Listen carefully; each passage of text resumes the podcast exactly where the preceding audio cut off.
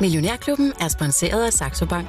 Hos Saxo Bank kan du få op til 3,05% i positiv rente uden binding. Hør mere efter podcasten. Millionærklubben fra Jørgen Vester med Bodil Johanne Gansel.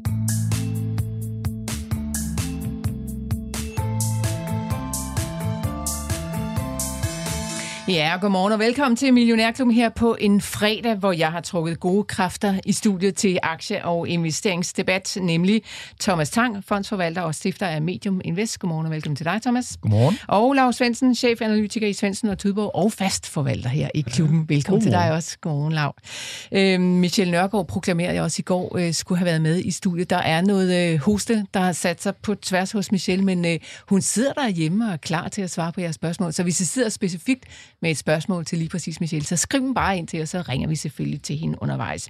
Vi svarer nemlig på spørgsmål hele timen, og dem kan du altså sende til os på sms'en 42 42 03 21. Du skal bare starte din besked med Mio, og hvis de spørgsmål det kommer igennem i dagens udsendelse, ja, så deltager du også i lodtrækning om en Millionærklubben t-shirt. Den udleverer vi hver fredag jo, og øh, ja, vi trækker vinderen sidst i udsendelsen. Den skal du bestemme. Nej, Thomas, det skal være dig, der bestemmer. det skal du.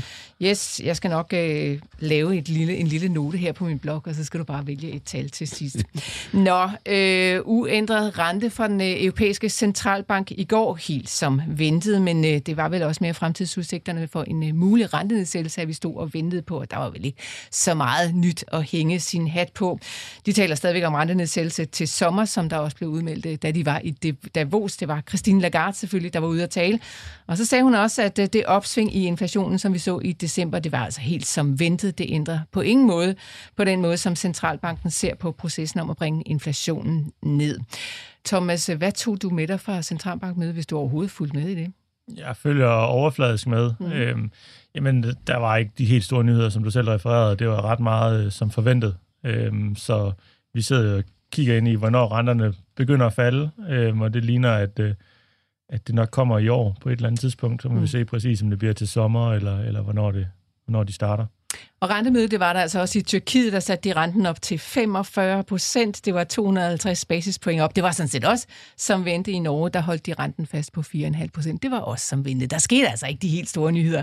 Ikke desto mindre, så, så slår de amerikanske aktier jo altså rekorder igen. Øh, nye all-time highs derovre i øh, USA, og vi ligger på ret høje niveauer. Lars Svendsen, ja, du er jo manden, der mener, at vi skal have en tur nedad, før ja, ja, det for alvor kan køre op. Holder du fast i det? Ja, det gør jeg. Hvis ikke Hvorfor? der bliver en meget hurtig og dyb og venlig fred over i Ukraine, så, øh, så, hvad hedder det, så jamen, vi undgår ikke det der. Jeg, jeg har aldrig i mit liv oplevet noget lignende forrygtighedsgrad, og det i og med, at vi også har så stor koncentration af, af via de her øh, øh, altså, øh, indeksvægtede fonde, de er jo med til at skubbe det opad, og når, øh, jeg ved ikke, om det er nærmere et eller andet sted mellem 50 og 60 procent, måske nærmere 60, siges det, at verdens øh, aktiemængde øh, er investeret på den måde, jamen så, så får du jo øh, en form for selvforstærkende kraft i det, og så længe man bliver ved med det der, så kan man også vise, at man overperformer jo, fordi det er der, pengene går hen.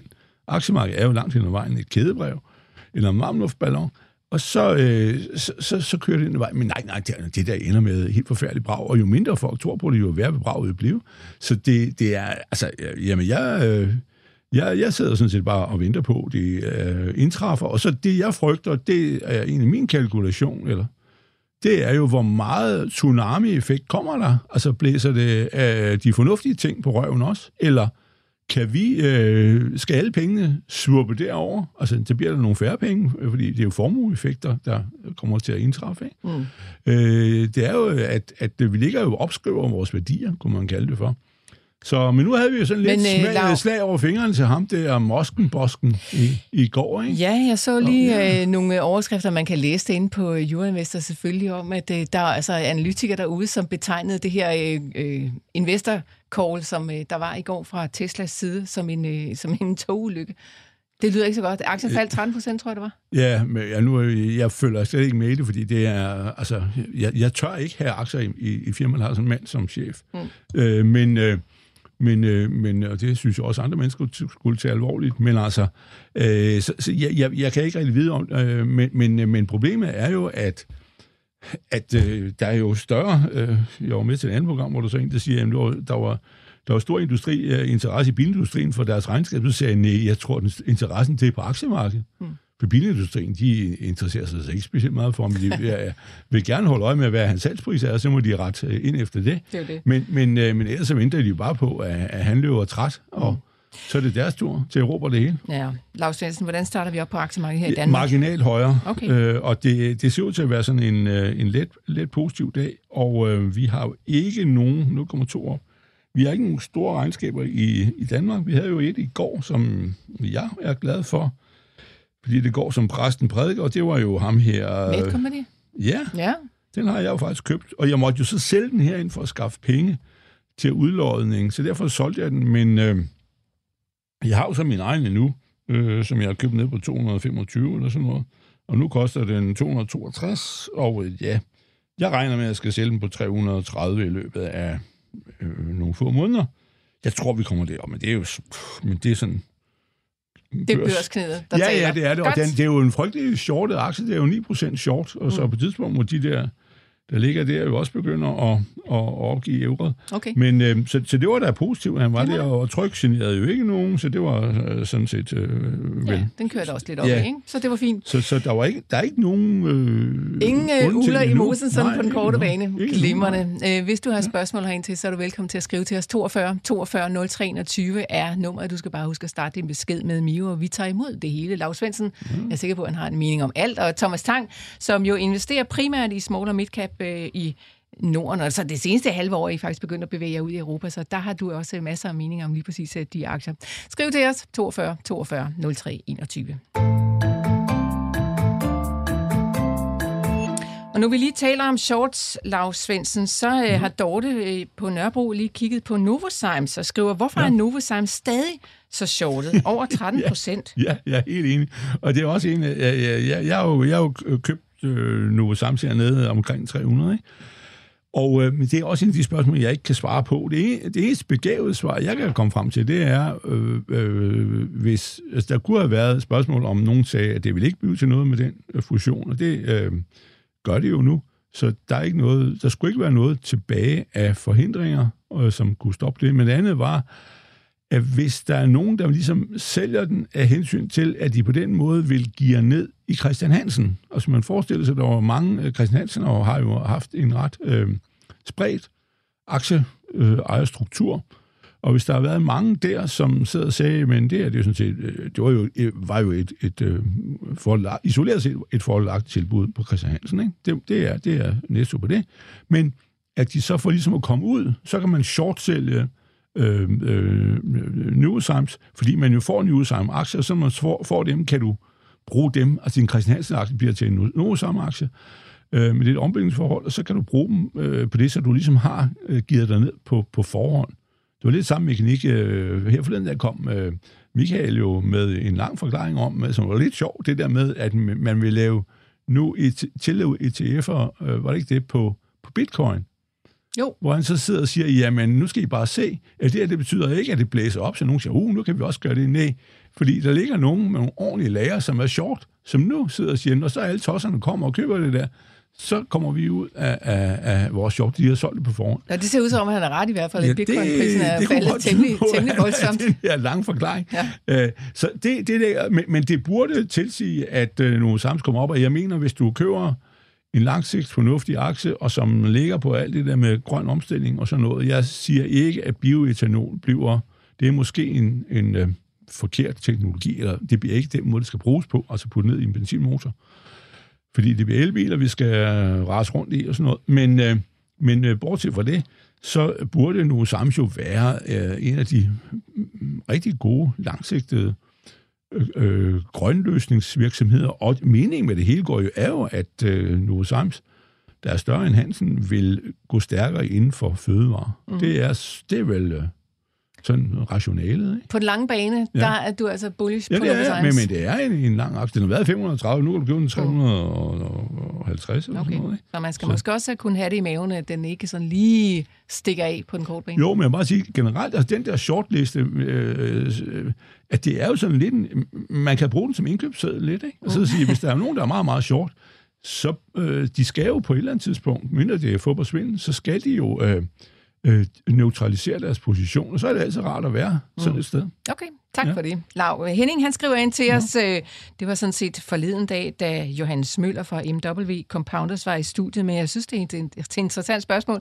så jeg er sikker på, at øh, vores deltager her i studiet kan svare på. Han skriver nemlig, at øh, han gerne vil have en mening om Crayon på tre års sigt, og Crayon, det er jo en af de aktier, som I har liggende i porteføljen, Thomas, så øh, hvad skal vi mene om den på tre års sigt?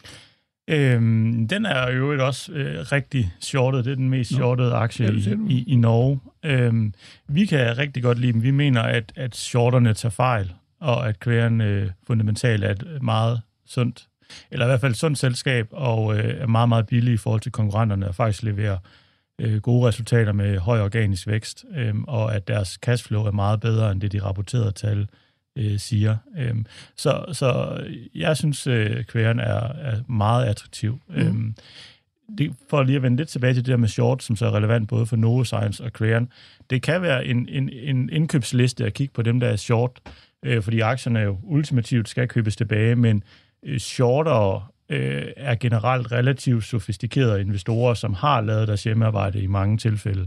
Så, så, så når jeg ser et selskab, der er meget shortet, så er det altid en grund til at være ekstra påpasselig og dobbelttjekke alting for at se, hvad er det, der gør, at shorterne øh, har valgt at, at, at shorte det her selskab. Øhm, og jeg tror også, der er akademiske studier, der faktisk viser, at generelt så underperformer meget shortede aktier øh, det generelle aktiemarked en smule. Okay. Og det er jo altså måske, fordi det er basically meget mere farligt at gå short, end at gå lang en aktie, fordi man kan jo risikere at skulle købe den tilbage på altså vanvittigt meget højere niveauer, end hvor man øh, solgte den. Ja, når man køber aktier helt almindeligt, så kan man sige, at upsiden er principielt uendelig, og du kan maks tabe 100%. Shorterne har jo så den modsatte side af, den deal. De kan maks tjene 100%, hvis aktien går i 0, og de kan så potentielt tabe uendelig mange penge, eller Præcis. der, der, er ingen, der er ingen bagkant på. Og... Men Thomas, du siger, at I er uenige med shorterne, og det kan jeg forstå, fordi I selvfølgelig er lang. Men altså, ved I præcis, hvad det er for nogle argumenter, som shorterne bruger til at shorte? Altså, kan man se det nogle steder? Øh, nogle gange kan, ligger de det ud offentligt, andre gange så snakker de mest med, med folk, og vi har forsøgt virkelig at grave i, hvad der er argumenter. Mm. Og alle de argumenter, vi har kunne finde for shorterne, synes vi er dårlige eller decideret forkerte. Øhm, øhm, så vi har forsøgt virkelig at grave, grave det frem, men det er jo ikke sikkert, at vi har gravet alting frem. Nej, fordi jeg tænker også, at man kunne jo risikere at sidde der og finde ud af, at de andre vidste noget, som man ikke selv vidste. Ja. Mm. Det er altid en risiko, og et spørgsmål, man skal stille sig selv. Er, er, det, er det mig, der er den kloge, eller er det Ja, de andre, det er der er det. de kloge, den kloge Ja, i de ja. her tilfælde? Mm. Øh, for Querens tilfælde har vi brugt rigtig lang tid på at, at grave, og vi har ikke kunne finde noget. Øhm, så vi, vi, vi tror, vi har ret, øh, men man kan aldrig sige det med 100% sikkerhed. Nej. Øhm, så øh, på tre års sigt, gode udsigter for Crane, hvis man spørger dig i hvert fald. Ja, altså de, er, øh, de handler øh, billigere end konkurrenterne. De har meget høj organisk øh, vækst, og de, øh, de øh, har også potentiale til at øge marken en del. De har en, en høj marken på niveau med konkurrenterne i deres kernemarkeder øh, op i, øh, i Norden, og så har de så en masse vækstmarkeder i nye geografier, hvor de har lavere margin, fordi de er relativt nystartede forretninger. Nu er det ikke nystartet mere, men de er mindre forretninger, der så også vækster mere. Øhm, så, så i de, alle de andre geografier er der mulighed for at øge margin efterhånden, som de får mere skala på og bliver en mere øh, moden virksomhed, der ikke kun fokuserer på at vækste, som de gør her i starten. Og hvis man har lidt svært ved at høre præcis, hvad vi siger herinde i studiet, så lad mig bare lige stave for god undskyld. C-R-A-Y-O-N. Thomas, ved du tilfældigvis, hvad tickerkoden er? Kan du huske det? Øh, det kan jeg ikke lige huske. C-R-A-Y-N. C-R-A-Y-N. Så fik vi lige det hele med, hvis man Der, selv der har er lyst til at lige et kigge på det. spørgsmål nu, fordi du siger noget, som er meget farligt. Øh, Det er forleden dag, øh, du siger, at deres cash flow er større, end det ser ud. Hvis jeg forstod rigtigt, hvad du sagde. Fordi forleden dag havde vi jo den her gennemgang, hvor, hvor, hvor, hvor, hvor Michael og, og hvad hedder han, øh, øh, øh, MW'eren derude, ikke? stod og sagde, at, øh, at der er én ting, der ikke lyver, og det er jo sådan set også et tidspunkt, jeg har, det er cash flow. Nu står du og siger, at deres cash flow er bedre, end det ser ud. Hvordan skal den forstås? Jamen, den skal forstås sådan, at øh, de har lavet en øh, regnskabsændring. Der er flere forskellige ting, nu kan vi lige Ja. prøve at tage de, de Nå, vigtigste. Bare. De har lavet en regnskabsændring, som faktisk principielt er en aggressiv regnskabsændring, hvor de bogfører visse typer indtægter tidligere end normalt. Mm-hmm.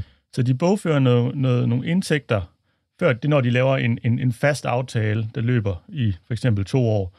Så, øh, så, så bogfører de, hvis der er nogle kriterier, der er opfyldt, så bogfører de det hele upfront. men de får først pengene på et senere tidspunkt. Mm. Så det vil sige, at de, øh, de har taget indtægterne ind, men får cashflowet senere, Ja. og det gør, at deres cashflow ser dårligere ud i forhold til deres indtjening, end det har gjort historisk. Mm-hmm. Øhm, og derfor ligner det lige nu, at de historisk har haft fantastisk cashflow, og deres cashflow er blevet dårligere målt i forhold til indtjening. Altså det, man tit ser på, det er, hvor meget ens indtjening bliver konverteret til cash. Ja. For ultimativt er det jo cash, der er det afgørende. Ja. Og på grund af den her regnskabsændring, så ser det nøgletal dårligere ud, fordi at de har bogført indtægter tidligere, men de får ikke de får cashflowet, som de altid ville have fået det. Øhm, det er en ting. Så er der øh, nogle øh, enkelte betalinger, som, som øh, tilfældigvis faldt på en dato, der gjorde, at de ikke kom med, hvor de normalt ville komme med, som øh, altså for eksempel, jeg tror, der er 550 millioner, der manglede i det seneste regnskab, som så kommer i, altså, som manglede i Q3-regnskabet, som så kommer i Q4, og ledelsen har bekræftet, mm. at pengene er kommet ind til tiden osv. Men der er jo lige noget med, om betalingen faldt før øh, kvartalsdatoen øh, sluttede eller efter. Øhm, så der er den type ting, der ligesom gør, at de rapporterede tal ser dårligere ud end den underliggende virkelighed. Okay, godt. Der kommer masser af spørgsmål ind til shorting lige nu, og blandt andet Christine, som spørger, hvad det er, og hvad der er fordele og ulemper ved det. Det synes jeg er et, et udmærket idé at tale om. Christine, jeg tror, vi øh, lige tillader os at smide den over til kollegerne på Euroinvestor og høre, om de har tid til at skrive om det lidt senere i eftermiddag. Så kan vi lige bringe det på Ja, banen. Jørgen, han skrev noget på- om det. Jørgen Shorting. Åh, Lars Svendsen. Øh, men så er der Martin Andersen på Læse, som spørger, hvordan og hvor kan man se, hvor meget en aktie er shortet? Altså lige præcis de aktier, som I taler om. Thomas, øh, sådan en aktie som Crayon, hvor ser du det hen? Øhm, kværen tjekker vi på det norske finanstilsyn. Der er sådan en øh, offentlig liste, hvor alle, der har shortet mere end 0,5 procent af selskabet, de skal dagligt indrapportere, øh, hvad de har shortet.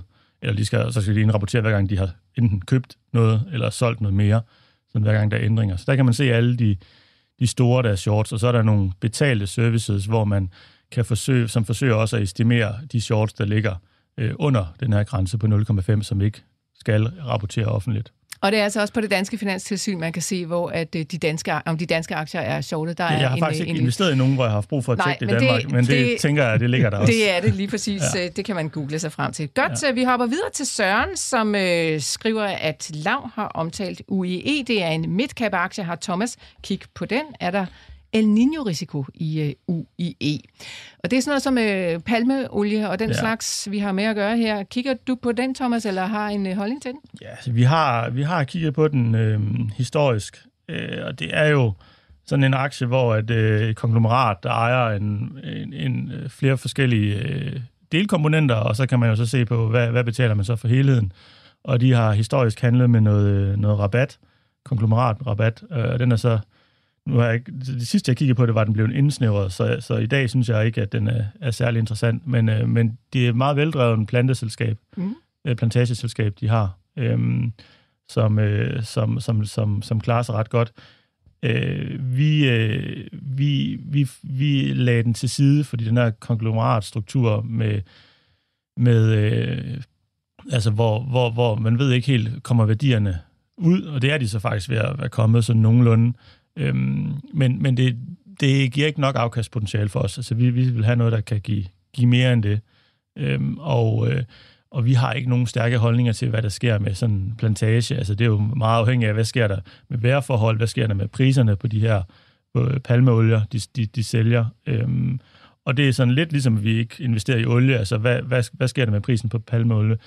Vi kunne måske godt finde ud af det, hvis vi brugte halvdelen af vores tid på at prøve at blive eksperter på palmeolie, men vi tror ikke, at den tid er givet godt ud. Så når Søren spørger specifikt, om der er El Niño-risiko, så er svaret vel sådan set, ja, men øh, det holder ikke øje med. Altså, Nej. Men der er ikke eksisterende risiko for øh, værlighedsforhold. Ja, altså vi synes, det er for svært at, blive kloge nok på netop det, som i øvrigt er et godt spørgsmål. Øh, Så derfor har vi ligesom sagt, okay, ikke investere bare for os, fordi, fordi vi skal investere alt for meget tid i, i det, for at finde ud af, for at have en kvalificeret holdning til det. Okay. Det, det, det, det mærkelige ved den er, at den har, jeg har den jo. Det er den aktie, jeg har haft flest år. Jeg har haft den over 30 år, men jeg er næsten en founding father, men øh, at øh, det startede i vil sige, 83, men øh, pointen er, at øh, den lige her det sidste stykke tid, i løbet af de sidste vel øh, øh, to måneder eller sådan noget, så er den gået, den lå i 180, der var ingen mennesker, der gad øh, røre ved den, fordi palmeoliepriserne har været lidt dårlige. Og så lige pludselig her, øh, de sidste to måneder, så øh, Nu lå der på 180 til 190, ikke? Øh, frem til 1. januar, og så puff, har den været op og vinde på 220, og nu koster nu øh, 210. Så det er sådan, der kommer sådan en ryg øh, op. Det er det, lidt, jeg talte faktisk med Persson om i sidste uge, da han var inde, eller forrige uge, når vi var sammen. Men, øh, men, men det, det, den har fået sådan en øh, elevator-puff opad. Hmm. Det, det der, øh, og, og priserne på palmeolie har været lidt dårlige, men øh, de er, øh, må være på vej op. Jeg ved det, det er lige på dage siden, jeg kiggede på okay. den pris. Godt. Ja. Jamen altså, vi bliver i det der oliefelt, mm. der Lars Svendsen. Den kan du så få, hvis Thomas han ikke interesserer sig så meget for det. Det er Morten Sur i Køge, der skriver til os. Han skriver, der er massiv frost i USA, og olierækker lukker. Ukraine bomber russiske olieinstallationer. Ja. Suez er lukket. Iran bomber deres nabo. Israel har en krig kørende. USA bomber Yemen. Oh, okay. Hvorfor dalen stiger olien og gassen ikke massivt? Ja, det gør den vel sådan set også, fordi nu er vi nået op til 77 for den ene og 81 for, for den anden, og, og spredtet mellem er relativt stor, altså 5 dollar, det er ret meget. Normalt plejer det jo at være to. Og det viser jo lidt om, at der er må, måske mere brug for brintolie end for amerikansk øh, olie, der sådan, er det store oliemarked, kunne man kalde det for. Øh, der er jo mere benzin i, i, i brint, end der er i det andet. Men, øh, men, øh, men øh, at, øh, det har han fuldstændig ret i, og jeg vil også sige, at øh, jeg mener, at øh, at være lang i olie, altså at satse på olieprisen kører opad, det mener jeg er et fornuftigt øh, vedmål. Med mindre at man tror, at vi får en øh, økonomisk recession øh, for alvor, og det er jo så det der bankfolk snik snak frem og tilbage. Vi allerede havde den jo sidste år, men nu øh, begynder de at tale om, at den ikke kommer en blød landing og alt det der. Øh, så, så ved jeg det, øh, der kan man jo sige, at hvis du tror på det, så øh, burde olieprisen jo komme op, og, og det er korrekt, hvad han siger, at der er problemer, og det er med, med forsyningssiden. Og øh, det kan jo sagtens gå hen, at øh, både Rusland udgår, hvis, øh, altså worst case er, at Rusland udgår simpelthen. Altså fordi, altså alt det der, man, man, man, man flytter det andet sted hen, jamen så, som siger, køber inderne det, og kineserne, og så kan vi købe noget andet olie og sådan noget. Og venezuelerne er, eller hvad det hedder, anerne, er jo blevet taget til noget øh, amerikanerne, fordi øh, og de gamle der købte de jo masser af stort set alt deres olie, men øh, den har været ude nogle år. Mm. Men, men, øh, og det er jo fordi, man gerne vil, men iranerne vil de for så vidt også gerne, men nu laver de jo ballade, så, så ryger de også ud. Ikke? Men, så, så, ja, men det er korrekt. Jeg, jeg mener, men er, er der potentiale ja. i opkøb af, hvad hedder det, olieaktier så her på... Øh... Ja, her nu, hvor vi står? Der må man jo sige, at i hvert fald i USA sker det jo, men det var det, vi også talte med Persson om, som han sidder og taler om, Ewing Oil, eller hvad for noget, at uh, pointen er, at der, var, der har lige været uh, en tilhandel, mener jeg, men de betaler ikke ret meget præmie. Altså, det er sådan et olieselskab i USA, et stort køber, øh, sådan nogen, der har sjælforekomster, men de betaler ikke ret meget mere for det. Og det er så, øh, så, hvis du skal noget, hvor der er elastik i det, så skal vi øh, til andre steder hen. Så skal du finde nogen, der har lidt øh, hissig olie ude på havet, øh, eller øh, op i Norge, og derover er der høj skat. En aktie, jeg går og lurer meget på i det der felt faktisk. Øh, jeg har Okea, den er jeg jo ikke så glad for. Jeg har også hvor øh, der kom ud og sagde, at de ville nedskrive for 2,5 milliarder. Det kom i går, men, øh, men det var nedskrivning, det var ikke regnskab. Det kommer om øh, to uger. Men, men det er AKBP. Det er jo sådan set den næststørste i Norge. Hvorfor taler den til dig? Ja, fordi den er, er røget tilbage fra 350 og, og været nede at vinde i, i 260 og koster vist 270 øh, nu eller sådan noget. Men, men det er egentlig måske en ret interessant aktie, fordi det er en af dem, der kan flytte sig, når, når der, nej, 279 er den i, når, når der begynder at ske noget. Mm. Fordi det er altså den næststørste, det er meget omsat aktiedom. Ja. Øh, okay, og nogen kalder den for Aker, men øh, altså det er den der... Ja, er det ikke sådan, de siger op i Norge? AKR BP, det kan godt være. Godt. Men, uh, Thomas, nå. du har en kommentar, kan jeg se? Ja, to, to hurtige ja. kommentarer på olie. Ja. Det ene er, jeg så bare en, en overskrift her for nylig om, at det internationale energiagentur, øh, deres forecast var, at der var overflod af olie på markedet. Så det er jo nok den konkrete grund til, at på den korte bane, at olieprisen ikke stiger mere på de her nyheder, som begrænser noget af udbuddet, men det er, at vi kom fra en situation, hvor der var masser af olie i forhold til efterspørgselen. Og så vil jeg sige, på den lange bane kommer, ser vi jo ind i en ret interessant dynamik, hvor at, øh, historisk har vi jo, verden jo bare altid forbrugt mere og mere og mere og mere olie. Men nu begynder de fleste at snakke om, at vi på et eller andet tidspunkt når peak oil consumption, øh, øh, så mm. når all-time high olieforbrug, og så kommer til at falde igen, og hvor, hvornår det kommer, og hvor hurtigt det kommer, er meget svært at spå om, og er selvfølgelig rigtig meget afhængig af den, den grønne omstilling. Øhm, men når det sker, så, så er der nogle meget øh, vilde, interessante markedsdynamikker der, for, hvad der kommer til at ske med hele det her oliemarked. For tidligere har alle selskaber bare kunne investere alt, hvad de vil i at producere ny olie, og der har altid kunne være afsætning på det. Men hvis, at, og, og, og, hvis, det, hvis efterspørgselen begynder at falde på et tidspunkt, og man har olieinvesteringer, som jo er ekstremt langsigtede, hvor man øh, investerer nærmest 10 år i at sætte et felt op, og så løber det måske i 30 år, øh, hvor det producerer, så kan man jo så kan man i det ene scenarie, hvis, hvis at, øh, efterspørgselen begynder at falde relativt hurtigt, komme ind i et forfærdeligt scenarie, hvor der er alt for meget olie i forhold til efterspørgselen. Det kan også spille sig ud på den anden måde, hvis at selskaberne holder igen med at investere, fordi de er bange for det her, øh, og at, at, at olieefterspørgselen ender med at være lidt højere end forventet, så kan man så have det modsatte med, med, med for lidt øh, udbud øh, i forhold til efterspørgselen. Men det kan virkelig, altså der kan virkelig ske nogle, nogle store ting på det her marked på sigt. Så det er dynamik op på de helt store navler, vi, vi taler om, når det handler det, om øh, olie. jeg frygter mest? Jeg frygter mest, at der bliver problemer med at skaffe olie, og så har mine tankskib ikke noget at sejle med. Nå, men det, nå, helt ærligt.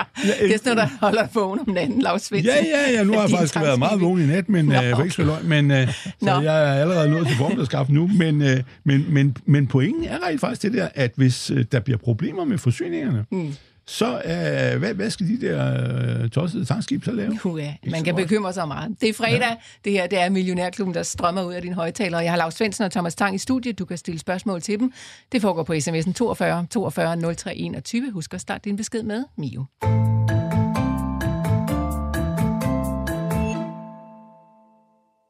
Hvorfor spille tiden i et supermarked, når I kan gøre det nemmere for jer selv? Men nemlig at erhverv håndterer vi jeres indkøb så I kan bruge tiden på det, der virkelig betyder noget i jeres virksomhed. Nemlig også til erhverv. Og lad os lige blive ved det grønne, fordi at øh, Ravn fra København har skrevet til os. Øh, Jeg har tidligere hørt i en af jeres udsendelser, at de grønne aktier måske kan få et comeback i år. Men med udsigten til Donald Trump med stor sandsynlighed kan blive USA's næste præsident, hvad mener panelet så om den påstand? Vil det have betydning for de grønne aktier? Tak for et godt og lærerigt program. Thomas, øh, er du over og kigge sådan på øh, det grønne segment, når du investerer, og hvad ser du udsigterne af for det? Ja, altså det er noget, vi bruger ekstraordinært meget tid på. Altså, vi vil meget gerne lave grønne investeringer, men kun hvis, at de giver et mindst lige så attraktivt afkast, som vi kan finde andre steder. Mm. Øhm, så vi, vi har kigget på samtlige grønne selskaber i vores gamle øh, markedssegment, øh, Skandinavien, og vi vil så også at kigge på, på grønne selskaber i, i Europa, øh, vi, fordi vi sidste år udvidede mandatet, så nu er der, nu er der nye grønne selskaber at se på. Øh, jeg tror jo rigtig meget på, at den langsigtede grønne omstilling er nødvendig og kommer til at ske. Øhm, så, så, så de langsigtede udsigter er jo rigtig gode. Øh, Trump vil da sandsynligvis sætte det lidt tilbage, øh, men jeg tror ikke nødvendigvis, at det vil altså smadre især europæiske grønne aktier. Det, det skal nok køre videre. Og, øh, og øh, jeg tror også, at, at, at øh, altså, i USA på den lange bane skal det nok komme. Okay. Ja. Men hvilke aktier har du liggende i porteføljen, hvis du har nogen inde lige pt. i det segment? Ja, altså det er jo sådan noget som, øh, som Norske Saptek, som jeg har snakket om før. Øh, vi ejer også øh, svenske Eolus Vind, der opstiller vindmøller. Øh, vi har ejet øh, øh, Alfen nede fra Holland, øh, som også laver øh, lader til, øh, til elbiler, ligesom Saptek, og så også laver nogle transformerstationer og, og andet. A-L-F-E-N? Ja. ja. Øhm, vi, har, vi har også ejet danske NKT, som jo laver de her kabler til at transportere elen, mm. øh, som også, også er, er ret nødvendigt. Så det er, det er noget af det, vi øh, enten ejer eller, eller har ejet inden for, for sektoren. Vi har jo så den udfordring, altså vi vil, vi vil meget gerne eje flere grønne aktier. Vi har, har måske kun 12 procent grønne aktier i dag. Øh, vi, vi har svært ved at finde gode forretningsmodeller, øh, som tjener nok penge i dag til at være nok økonomisk attraktive. Og der var jo et, et boom uden lige for to år siden, hvor alt, der var grønt, det var jo bare øh, mega populært. Øhm, og det har nok været sundt at få et reality-check på det. Nu er de grønne aktier faldet som gruppe rigtig, rigtig meget fra, fra toppen og har underperformet med markedet massivt i de sidste par år. Så, så det kunne meget vel, altså jeg, jeg, jeg synes helt klart, det ligner, at øh, vi nærmer os en bund, og jeg tror, de kommer til at klare sig rigtig godt på sigt. Præcis hvornår bunden er, det kan jeg ikke sige. Øhm. Svendsen, kan Trump ja. blive en kæppe jule for ja, de grønne ja. aktiers øh, optur? Jo, det kan, kan, han, kan han nok, men altså ikke, ikke, ikke totalt set, fordi det er jo noget, der er kommet for at blive. Så, så det kan han jo, men altså det er klart, at den amerikanske side med den der øh, inflation act, eller hvad for noget han kaldte det for derovre, det var helt hul Ja, helt hul i hovedet ord, ikke? Men, øh, Men, men, øh, men øh, den der del vil jo, kan jo blive øh, sat på, øh, eller øh, suspenderet, øh, nedlagt. Så, så jo, jo, det vil det gøre, men, øh, men altså, øh, det er, øh, det er negativt, og det, det kan man, det, det, men det vil jo hele hans, øh, hvis han ender med at blive præsident, så Jamen, hvem ejer en amerikansk statsobligation, ikke? Altså, man er jo idiot, hvis man vil sponsere ham, ikke? Nå, men det er vel ikke men, nødvendigvis men, negativt for de amerikanske aktier. Det er sidste gang, han blev præsident. Ja, ja, sidste gang, men øh, det kan jo godt være, at det ikke er anden gang, fordi, hvad hedder det, hvis renten ryger, jeg ved ikke hvorhen, så, øh, så, ved jeg det, øh, så, så skal afkastet på aktier jo også øh, op. Oh, jo, det, men han er vel ry for at være en mand, der øh, gerne vil give til erhvervslivet og, og sørge for, at de, øh, de lever godt. Ja, jeg mener, han er en mand, der er livsfarlig, så hvad hedder det, så hvis, hvis USA får, øh, for, for, for uh, han er jo en voldsom inflationær person. Mm. Det er han, og, og, og, og risk vokser. Det skal man altså, det okay. er det, der er problemet med ham, så vi må da håbe, at han ikke... Øh, øh, det ser ud til, at han får lov at stille op, men altså, at øh, han ikke kommer til fadet, fordi så er der da for alvor uler i mosen. Nå, men det bliver men, spændende øh, at se, hvad der sker men, til efteråret. med dit problem, er, er det ikke et problem for dig, når du har jo sagt, at du har 5 millioner euro øh, milliarder øh, som, som max, øh, fordi alle de der, sådan, de rigtig store og modne selskaber, så de er jo er meget store, selv Rockwell er jo større, ham kan, må du ikke købe. Nej, altså, der er faktisk øh, en høj andel grønne selskaber, som har relativt små øh, markedsværdier, fordi at der er jo et helt underskov af grønne ja, ja, selskaber, er som er kommet frem, og så er der nogle, nogle, nogle enkelte grønne kæmper, øh, men faktisk så, så andelen af small cap aktier er meget større inden for grønne selskaber end, ja, ja, andre det er jo fordi, det går op, det der. Men, ja. mm. Okay, cool. Øh, Karin i Tilst, hun, øh, nu nævner vi lige Zaptek, og hun vil selvfølgelig gerne øh, også omkring den aktie, skal man samle flere op skriver hun. Thomas, øh, du er glad for Saftek, men øh, er, er det tid til at tage flere op, eller hvad? Altså, vi har i Medium Invest købt op øh, for nyligt. Øh, Hvorfor? Fordi at øh, giver konkurrenterne øh, baghjul på... Altså, de, de vinder store markedsandele, er meget mere profitable, har bedre produkter, Øh, sektoren har jo haft et, øh, nogle boom years, og så øh, 2023 var så et, et, et bust year for sektoren, hvor at øh, rigtig mange lider. Og øh, det er jo så faldet sammen med, at de også har haft svært ved at skaffe finansiering. Så, så lige nu er der rigtig mange inden for sektoren, der har det svært, og det mener vi jo er en fordel på Saptek på den lange bane, fordi at konkurrenten, konkurrenterne kommer til at stå sværere, og nogen kommer til at knække. Det er allerede nogen, der er knækket. Og de kommer til at investere mindre i, øh, i vækst og have mindre aggressive priser og have færre salgspersoner osv. Hvor, så, så vi mener egentlig, på den lange bane, så er Zaptec blevet mere værdifuld af, at vi er gået igennem 2023. De kommer til at have en større markedsandel af et marked, vi er meget sikre på kommer til at være der. Øh, på den korte bane, så bliver Zaptec jo også ramt af den her øh, øh, primære øh, lagercyklus, der har været, hvor der har været for, for store lager af, i det her tilfælde, elbilslader ude i forhandlerledet, og så har slut efterspørgselen skuffet en smule, og så er forhandlerledet begyndt at reducere deres lager. Men det er jo et midlertidigt fænomen. Om hvornår det vender, jeg tror, vi begynder at nærme os, at, at det her lær, øh, den her lærcyklus er slut. Men om det præcis er nu eller, eller, eller lidt senere, det kan jeg ikke sige med sikkerhed. Men på den lange bane mener jeg faktisk, at Zaptek er blevet mere attraktiv at vi er gået igennem øh, det her forfærd- for, eller dårlige 2023.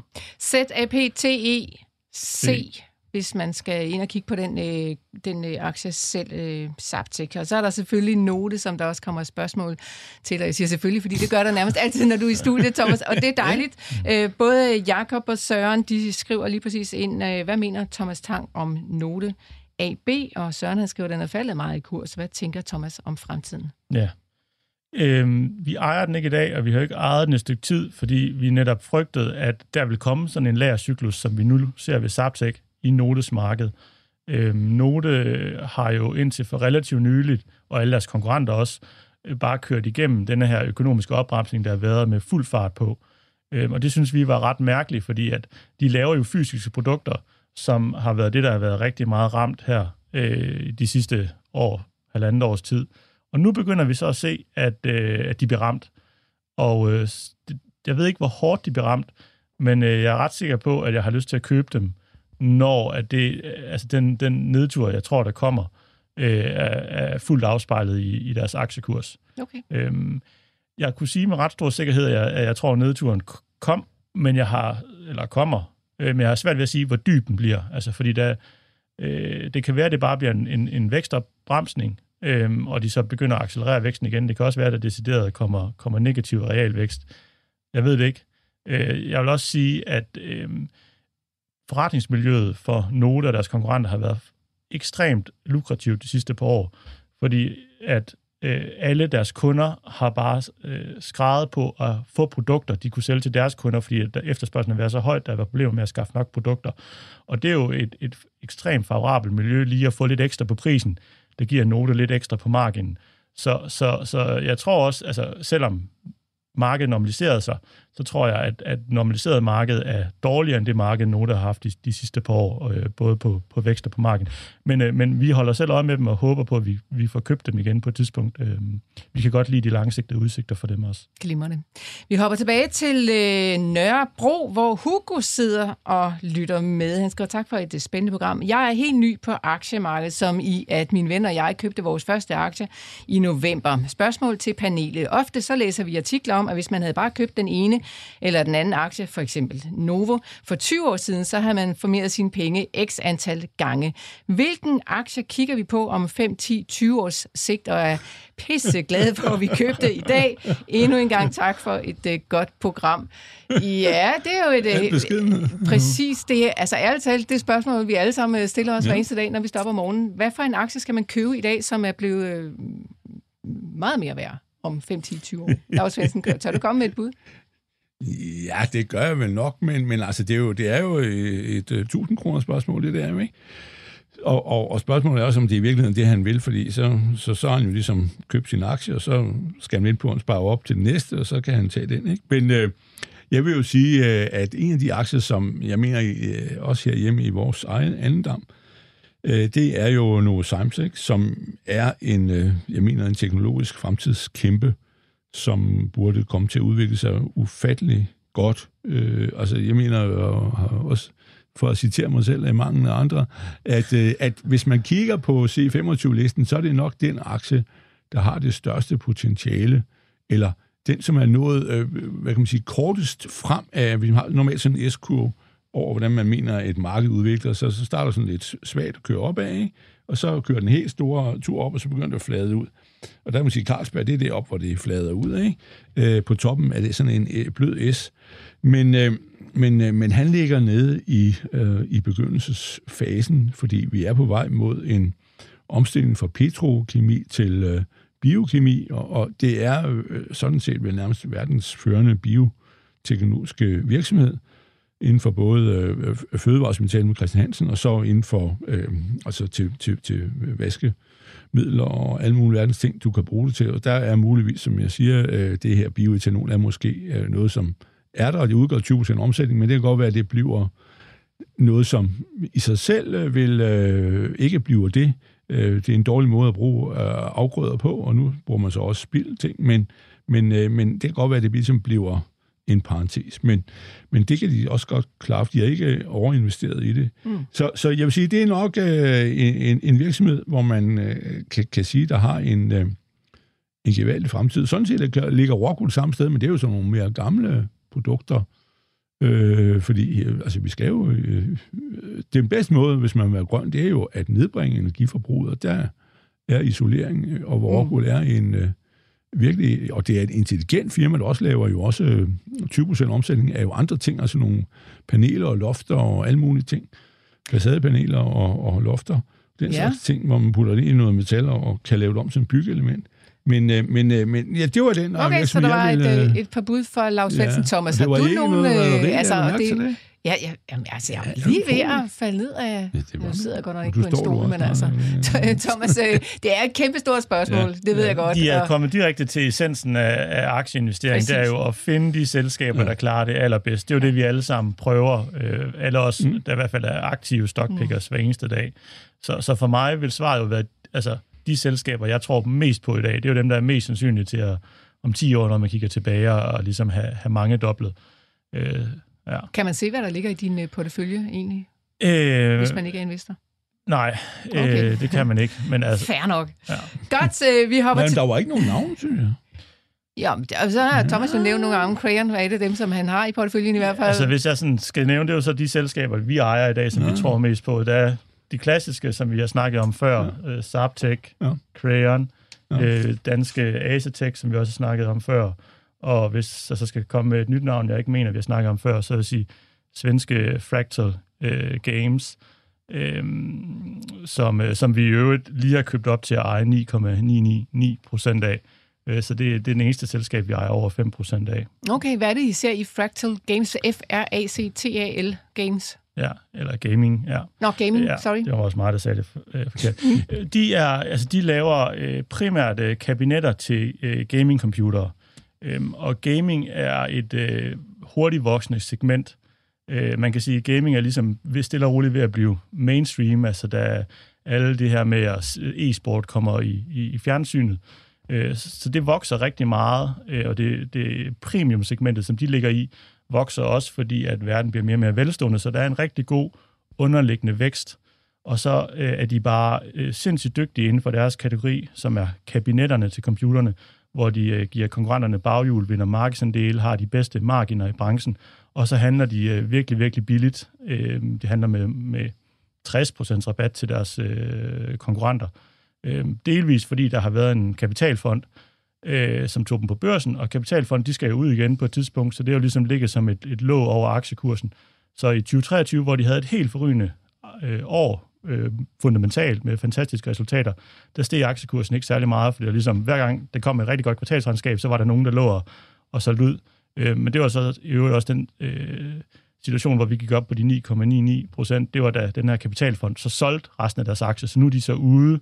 Nu burde der ikke være noget share-overhang tilbage af betydning, øhm, og så tror vi, at der kan komme lidt mere fri prisdannelse. Men Thomas, nu faldt jeg lige tilfældigvis over en uh, overskrift, der handler om, at Microsoft skal fyre 1900 mennesker i deres uh, gaming-division. Altså, det kan måske godt uh, gøre nogen lidt bekymret for, at der er en eller anden uh, nedtur på vej. Og ja, jeg ved jo selvfølgelig ikke, om det handler om, at de har fået ansat alt for mange, men, men ikke desto mindre, er der noget bekymring der? Jeg tror, Microsoft specifikt handler også om, at de lige har fået opkøbt uh, Action, ja. Activision Blizzard, så så ligger de to gaming-divisioner sammen, og der skal nok være nogle, øh, nogle øh, effektiviteter og nogle synergier, der skal ud øh, i form af, af fyring. Øhm, hele det her gaming-segment, det kan man jo investere i på to måder. Man kan investere i hardware-siden, eller man kan investere i spillesiden. Og rigtig mange har investeret i at udvikle spil, fordi hvis nu man laver det næste øh, World of Warcraft, det næste Minecraft, det næste øh, Angry Birds, så er det jo, altså så snakker vi helt vildt fantastiske resultater.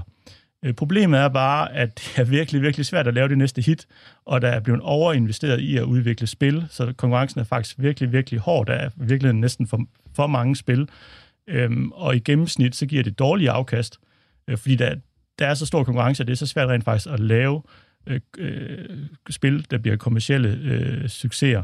Øh, Så, så, så vi synes, sektorens langsigtede vækst er der slet ingen tvivl om i vores øh, hoved.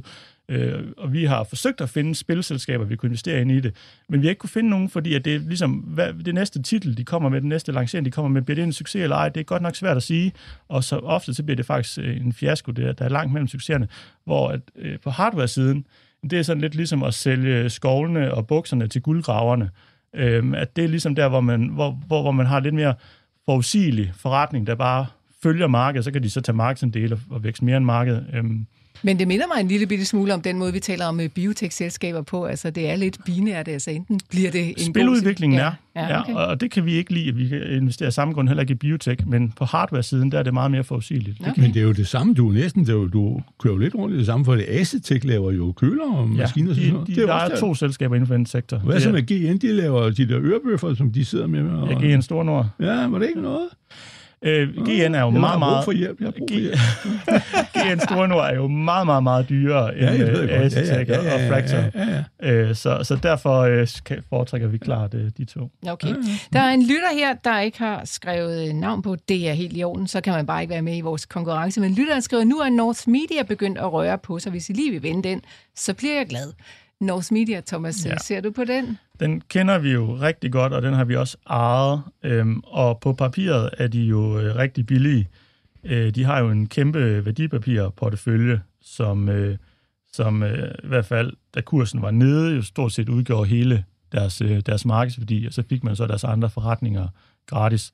I dag tjener de hovedparten af deres penge på at uddele adresseløse reklamer, og det er jo et marked, som, som jeg tror kommer til at dø på et tidspunkt. Jeg ved ikke, om det bliver i morgen, om tre år, om ti år, men, men markedet er i hvert fald for nedadgående, og det er sådan et marked, hvor på et tidspunkt så når de kritisk masse, hvor at, øh, for at det kan betale sig at have de her uddelere, der går rundt i hele Danmark med, med, med papirreklamer, øh, øh, så skal der være en vis kritisk masse, ellers så begynder økonomien at falde fra hinanden. Så, så, så jeg tror, når nedturen for alvor kommer til det segment, så bliver det hurtigt og brutalt, fordi så rammer de kritisk masse, og så tror jeg, at forretningen nærmest forsvinder på, på, på, på kort, øh, på kort øh, tid.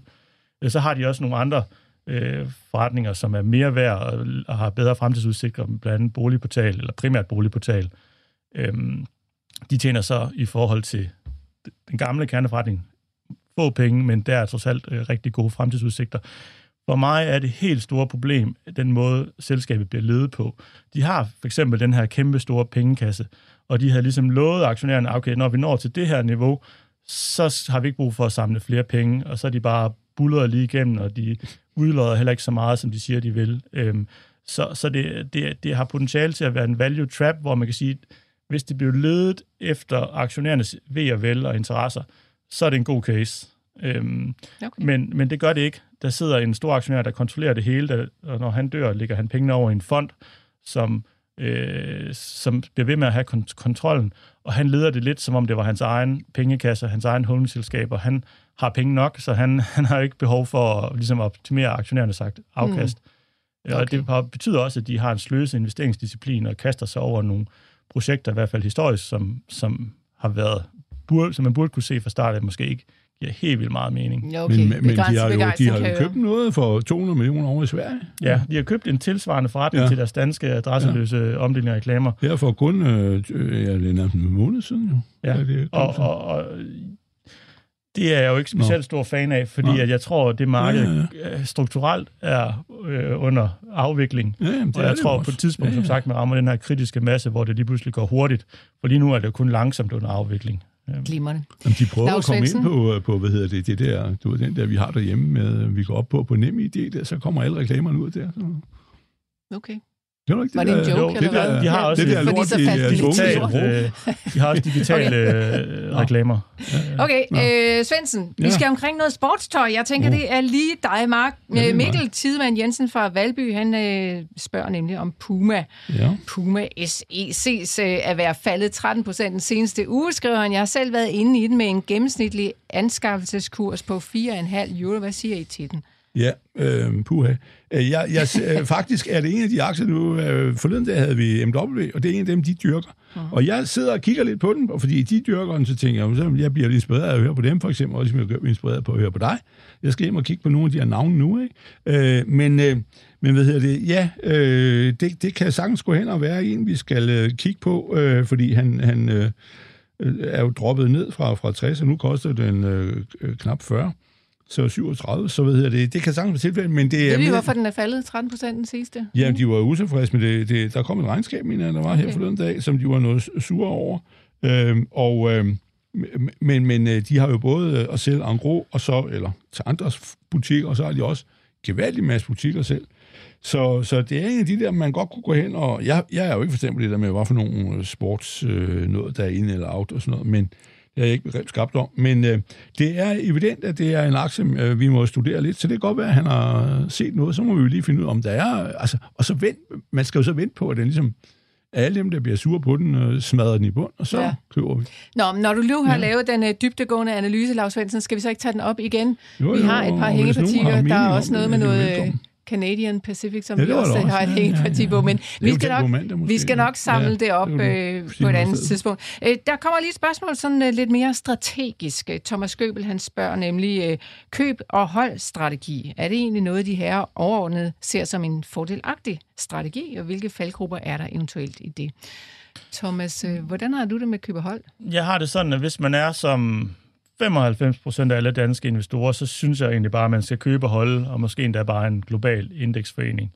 Øh, hvis man ønsker at slå markedsafkastet, så øh, som udgangspunkt mener jeg, at man skal være øh, mere aktiv end det. Altså, hvis man ønsker at slå markedsafkastet, synes jeg, at man skal stille sig selv det spørgsmål hver morgen, der hedder, hvis jeg kun havde kontanter i dag og skulle ud og købe aktier, hvilke aktier vil jeg så købe?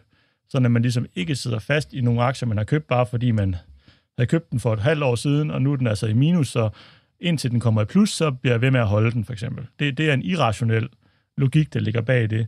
Øh, så, så hvis man har ambitionen om at slå markedsafkastet, synes jeg, at det er det spørgsmål, man skal stille sig, som også betyder, at man øh, skal handle, hver gang man finder en bedre investering. Det primære argument for køb og hold er jo øh, skatteteknisk, at hvis man som mm. privatperson køber ja. aktier, så bliver du først beskattet øh, på salgstidspunktet øh, af gevinsten så du låner ligesom nogle penge undervejs, hvis det går godt, og den stiger. Øhm, så det har, det har noget skatteteknisk medvind at bruge køb og hold, men hvis du så af den grund holder aktier, der er middelmådige, hvor du egentlig har fundet noget bedre, så øh, bliver det meget hurtigt noget, der, der trumfer den her skatte, fordel. Og det der med at slå indekset, det er jo noget, vi bruger, øh, taler rigtig meget om her i Millionærklubben, det gør vi jo blandt andet for at prøve sådan at kvalificere, hvordan, øh, hvor dygtige er I professionelle investorer egentlig gør det bedre end det der aktieindeks, men for langt de fleste mennesker, så er det jo egentlig ganske udmærket bare at følge det indeksafkast, som Det er som fremragende på den lange bane. Ja. Lars Svendsen, køber hold, eller Ja, det mener jeg ikke, det er. Jeg mener, at indeks er en farlig ting, øh, når markedet ligger all time high øh, så, så, så går man jo ligesom ind op på bjergtinden. Ikke? Men, øh, Men hvad mener du om køb og hold?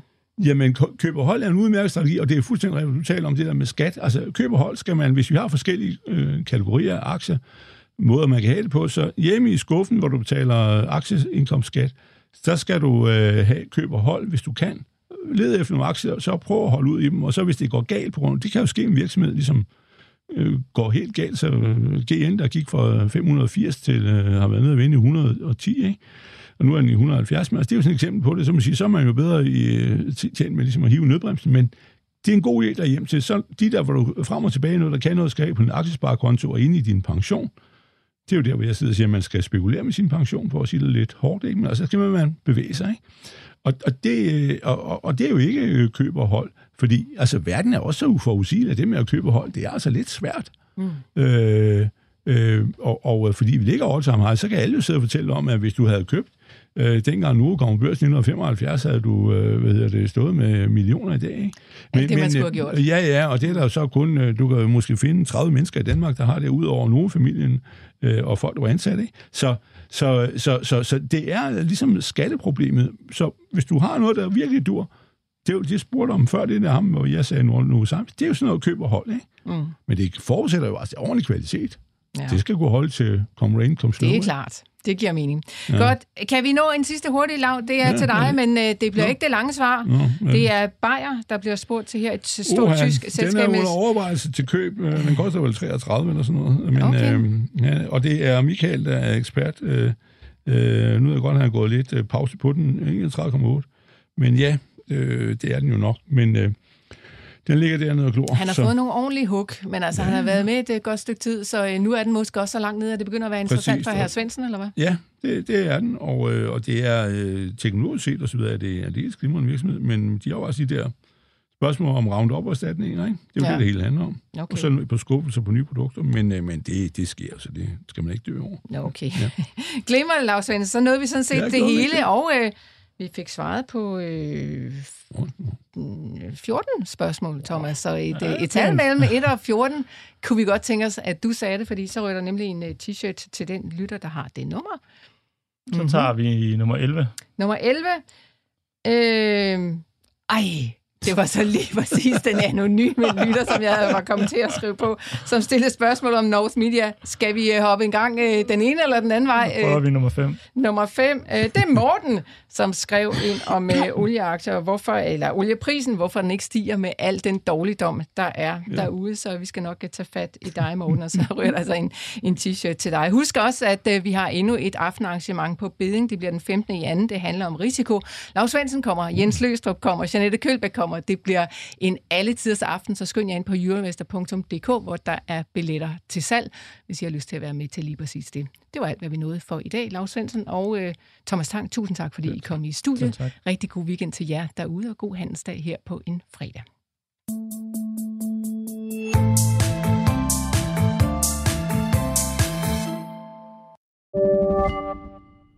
Millionærklubben var sponsoreret af Saxo Bank. Gør det godt i din virksomhed. Hos Saxo Bank kan du få dine overskydende midler til at vokse med en investeringskonto, hvor du også kan få op til 3,05% i positiv rente uden binding. Det er nemt og gratis at oprette en konto. Der er ingen konto og depotgebyr, og der er ingen binding, så du kan altid investere eller trække dine penge ud. Kom i gang allerede i dag på saxobank.dk.